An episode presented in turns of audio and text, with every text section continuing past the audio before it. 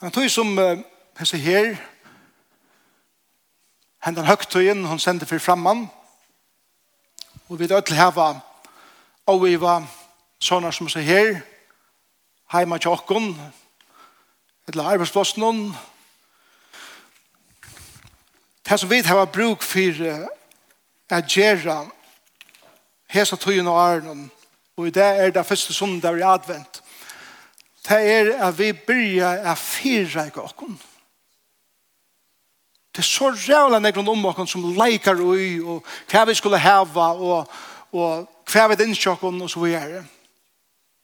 Jeg vet jeg har bruk for å minne hver annen av, at fokusere at hva det er som er viktig til livet. Og da vi tentra en krans som hentan eh, sunne morgon, Så er det ikke bare at jeg vet ikke at bøtten skulle oppleve jeg vil tendre kransen, men til eisene for dere voksne, jeg minner dere nå. Jeg begynner at fokusere og heter og gjør dere klar til at frelseren kom i heimen. God sendte sånn sånn i heimen. Og som hese fyra sundagene som leier kom til sjølvan dagen, narskast, måtte vi så være meira og meira fokusera på hva det er som vi er saman om. Og det er saman vi hesen. Hette gjør vi kvann sånne det. Og til reisende tror jeg vi så lattelige, atter, atter, ikke bare gløyma, men til det som er anna som skrutjar etter okkara oppmerksamhet og tøy og konsentrasjon og så videre. Jeg vet har bruk for det som tryggvande atter og atter. Jeg vil ha stort inn og ikke bare tankene, men eisende som løvstøyl at jeg hører herren til. Og han er underfølger. Jeg fylles vi. Dette vikskiftet er det som vi kallar for Thanksgiving. Thanksgiving i Amerika. Og, og det er spreier seg sånn til nekve her som reisende, til nekve i Ångland i reisende. Thanksgiving søvelige er en høgtøy som uh, tar gamle bøndene i bøndasamfunnet i Amerika, tar ta inn hestingen hver lio, og alt var samla saman bei uh, avvoksen av hjørne, men eisen kreatur og anna, at minna, minna kvann annan av er vera takksamur fyrir det her som Herren hever giv i og i grøyene og i tøy som vi arbeider. Så leis at takksam ikkje fer, eller eh, fokus ikkje fer og hva vi tar utint, tøy har vi forkjent nega Til å løfte hukkboren. Jeg har just hettar tøy har vi oppebor i et landa. Men hesten hukkboren er at god til vi giv i grøyene av landen. God hever utviat her som vi og det er kunne njóta. Og Thanksgiving er søvelige en, en anmenning om at heva fokus rett. Jeg var i Peterhead i Skottland for noen faun år siden. Og jeg kom inn i en sankomme, og vi tidvid hva som er at Peterhead er en fiskevinnebøyer. Høvesvinnan er fisker her ute i landsfarsen i Skottland. Og jeg kom inn i samkomna, og det var uh, Thanksgiving. Og da jeg kom inn i salen og fram i motor her som senere til stå, så var det en stor nåd. Hun la, spreite ut her framme. Og her var det forskjellige slag av bøyen som holdt at nåden er oppe. Og imenskår fiske reiskaper som, som var brukt i fiskeskapet. Og som pastoren fortalte meg er at vi, vi er ikke bønder her bænt. Vi er fiskemenn. Så vi, vi ber ikke avvoksen av landet noen, vi, vi ber avvoksen av haven noen fram her bænt. Og sen kom han henda sundagen og ta tøyene og er noen prøys her herrene fire fiskeskapen som han utviger eh, bynnen og, og skapar arbeidsplass og så videre. Og så, kjørte, så fortalte pastoren meg at, at tann sånne tar til å komme sammen, så eh, kommer fiskemennene vi fullt av. Fiske Så jeg vet ikke hvordan det lukter inn her. Men lukka meg ikke. Det, det som det handler om er at de bjør alle sjankumne er at bjør folk vi til en veldig fiskarratt som de gjør dem. Men eisende er at de fatøker ui Peter Peterhead økjennom kunne få en balje av fiske heimvig.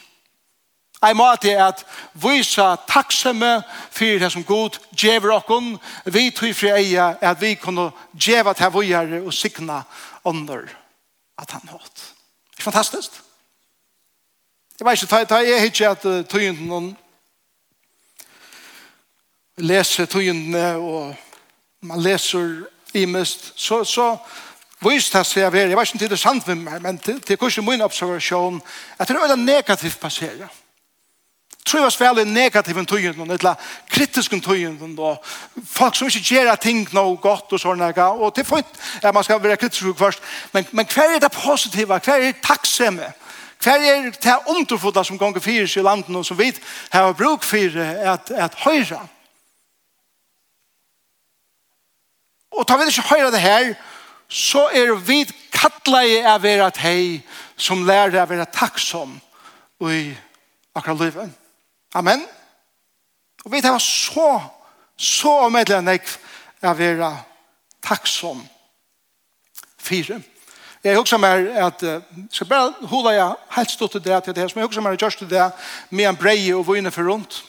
Det er at djeva og en ødlen høve med en breie og vunne for rundt at takka herren om Og det er ikke bare for at han døg av Golgata for åkken, selv om det er det viktigste, men eisne at takka herren for et eller annet som han har gjort i min liv. Et eller annet du har reist deg opp og forteller om en liten hending som du er takksomme for i tøyne liv. At, at jeg kunne gjøre det og i det. Harst og tydelig så har jeg sett ødel høyre det, om herren legger det til hva hjertet. Men det er ikke at hula jeg helt kjøtt fra en skriftbråten, som lærer oss om tøtningen av takksomme. Og det er Lukas kapitel 16. Lukas kapitel 16, og jeg skal lese fra vers 11.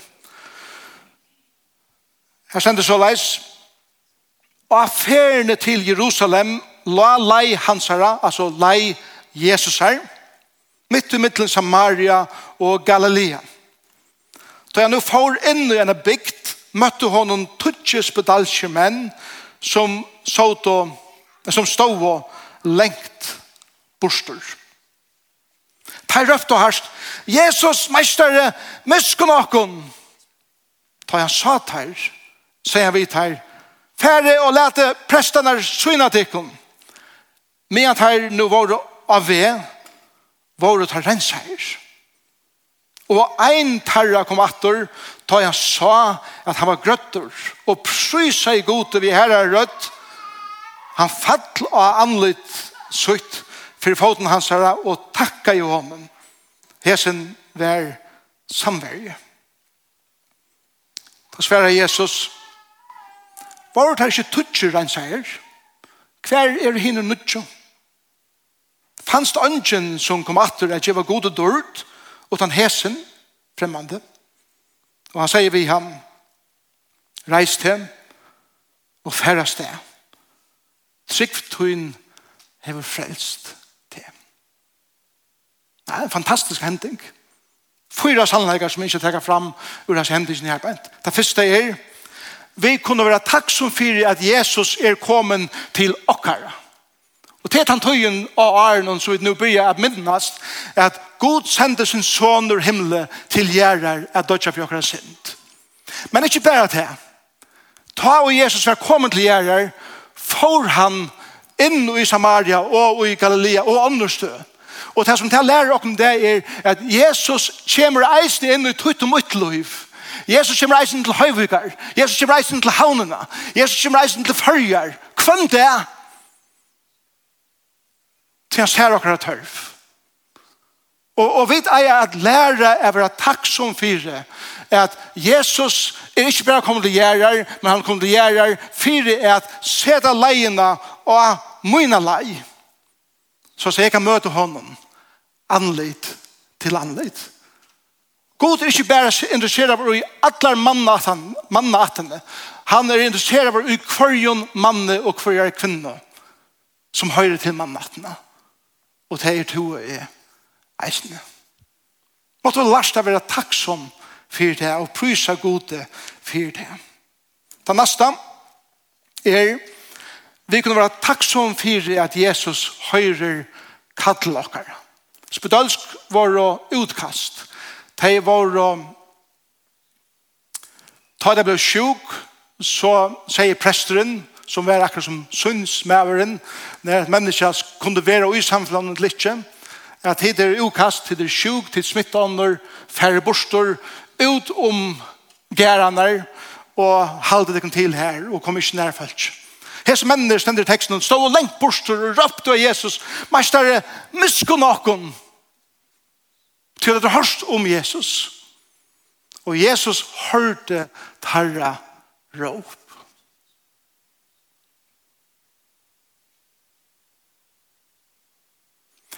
Men grunden fyrir tar røpte var tog har visst dem. at har vært sjuk. Tar gjort av at har vært sjuk. Det er så mange mennesker i det som ikke kallar av Jesu navn til de halde ikke feiler. Vi har det funnet. Og vi suttje ikke at vi er sjuk. Vi suttje ikke at vi er fotlesendt. Men ta vi dråpa og gjøtt dere synd. Og be han komme regnsakken.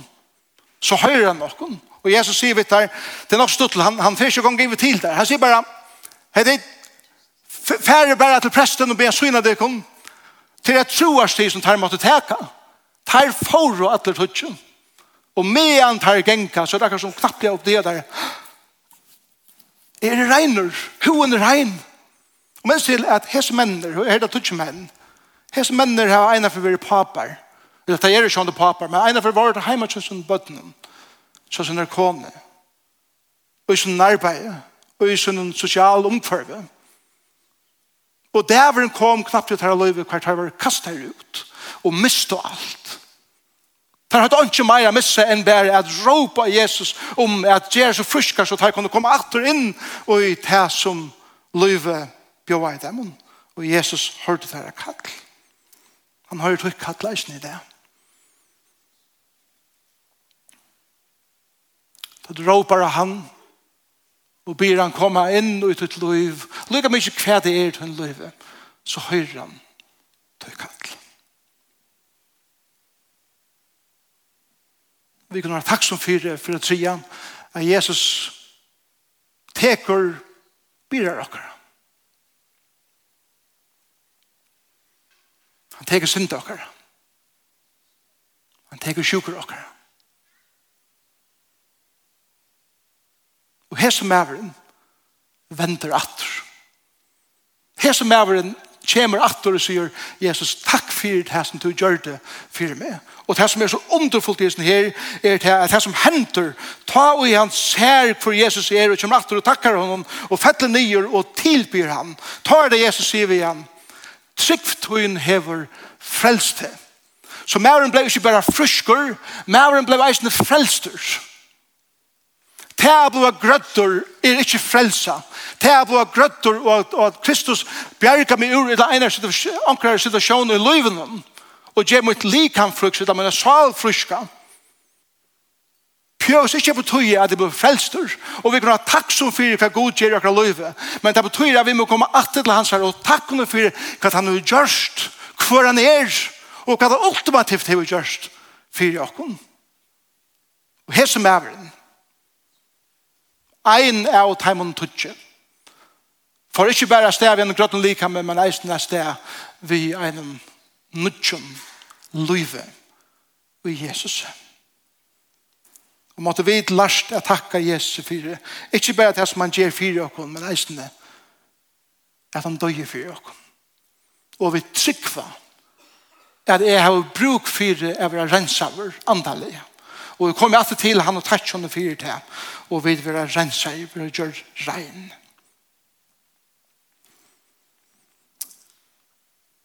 Jeg vet ikke hvordan tid her var det, men jeg skal ikke legge så stor en dent av det her hvor hinner ikke kom i atter, men Jeg ivest ikke ui at alle tutsje og takksemmer. Er det ikke samt med tøy?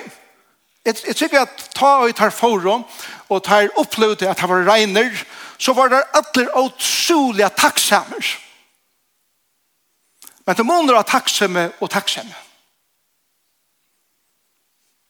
Takksemme er en kjensla, og vi kan si, er jeg utrolig takksemme for alt som hender meg, og er glad for det, men takksemme Altså, månen av takksim er takksim er til at først er takksim er kjenslebåre og ofte kommer det ikke langere enn det er bare glæver det er glæ men takksim er eisende aksjon til hva vi viljan å gjøre at er vise takksim er Og ikke bare for meg sjåvann, å, jeg er så glad for herren sykna meg, og folk er så gode med, og det er deilig. Men jeg vil vise at hans mæren kommer atter, og han ser rødt høyrest, og han fettler nye, og alt høyre, og sånn at hans mæren viser Jesus taksen. Og det er det som er moneren av hessen, at å, det er deilig at vi er til det her, jeg vil så takksom for liv.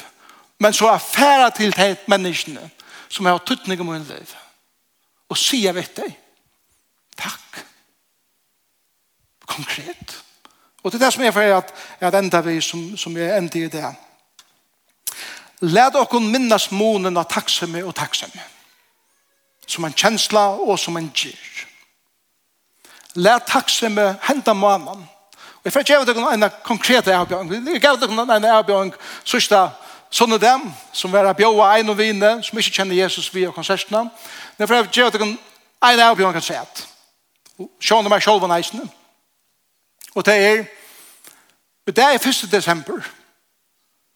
Prøva kvann det henda måneden. Jeg ser at nyer, det tar fem minutter. Jeg skriver nyer tre ting som du er takksom eller takksamer for. Hva sier det til dem? Tre ting. Tre ting om det er noen personer som du er takksamme for så kan det inn at si det vidt han personen, jeg ringer til han, eller skriver til han, eller henne, at det er takksamme for og være konkreter, ikke bare er takksamme for det, det er veldig okonkret. Jeg er takksamme for at ta og to hina for sier hit vi med, det gjør det med ordentlig glede. Jeg som er ordentlig takksamme for det, som hender med sommer, som, som er fantastisk da jeg husker om det, og jeg alt mer er gjerne til eisene, da jeg får møleggene. Og det er vel Lutla Rune, omdøtter Rune, bare kammer. Og når jeg var av Ålasøke, og jeg har, og, og vi gikk og sjøen det atter fram, og så kommer Katrin gengende, og Lutla Rune er vi henne, og jeg stand og prater vi omkran, og så hører jeg bare så gjenten at han fyrer, hei, jeg kvann, og så sier Rune hest her årene med meg, Og ta varje byrjar av fera som står fram. Lengst kjenner jeg det.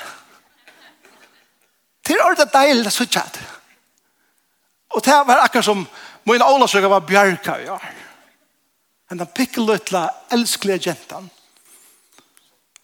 tog tog jeg sette året konkret at hon gled fyrir suttjad. Tog det var lengst kjenner hun er sammen. Og hun mente vi, lengst at det var som møte. Nei, vi behøver ikke. Hun mente vi til det deilig så kjent. Så det er å være konkreter og i tøyne takksomme i fri person. Det er konkreter og tøyne bønnen til Herren Jesus. Hva er det er som du er takksomme som han gjør og i tøyne liv. Fem minutter. Tre ting. Hvem det er. Og videre hva for hentan. Kan det gjøre det her, Harvard University og just kanningar er at ta i folk bruker fem minutter å skrive nye om det dagen så brøyder det her hukbor de byrja å suttje positive ting de byrja å nevne positive ting Tara, altså det er paradigmaskiftet i høtten fra å være kritisker og, og, og negativer til faktisk å bli positiver om, om livet. Og det gjør noe vi salene, det gjør noe vi familiene, tar vi det positivt. Det gjør noe vi med sosial omkvarve. Det gjør noe vi samkommende. For jeg vet konkret er det positiv og takksom i vi fire kvarner. Til min avgjøring. til min sjølvann, våkne til hese vikene. Til henne mannen. Så jeg sa vi kunne fokusere på det som er viktig. Så for jeg ber at de kunne komme opp at jeg, jeg bare begynner å kare breie og vinne rundt. Jesus, takk for det. At vi kunne fokusera på hettar at vi tar alla grunn til å komme atter til tøyen og takka til. Vi er så mange som hinner nutjo at løyvi er opptidje, og vi er takk som jeg det er vid, men vi glemmer sida det. Vi glemmer komme atter til tøyen og takka til. Eller ånder som er viktig å løyvi, og takka til meg konkret. Så hjelp oss henda mannen å gjøre det her rent fysiskt. Og vi takkar deg mest av ødelen Jesus for at du døg av krossen. Takk for du kom. Føtter inn i denne heim. Vi tog for eia. Jeg ber deg frelse inn i hvers mann av liv som teker mot det der. Prysa for ditt navn.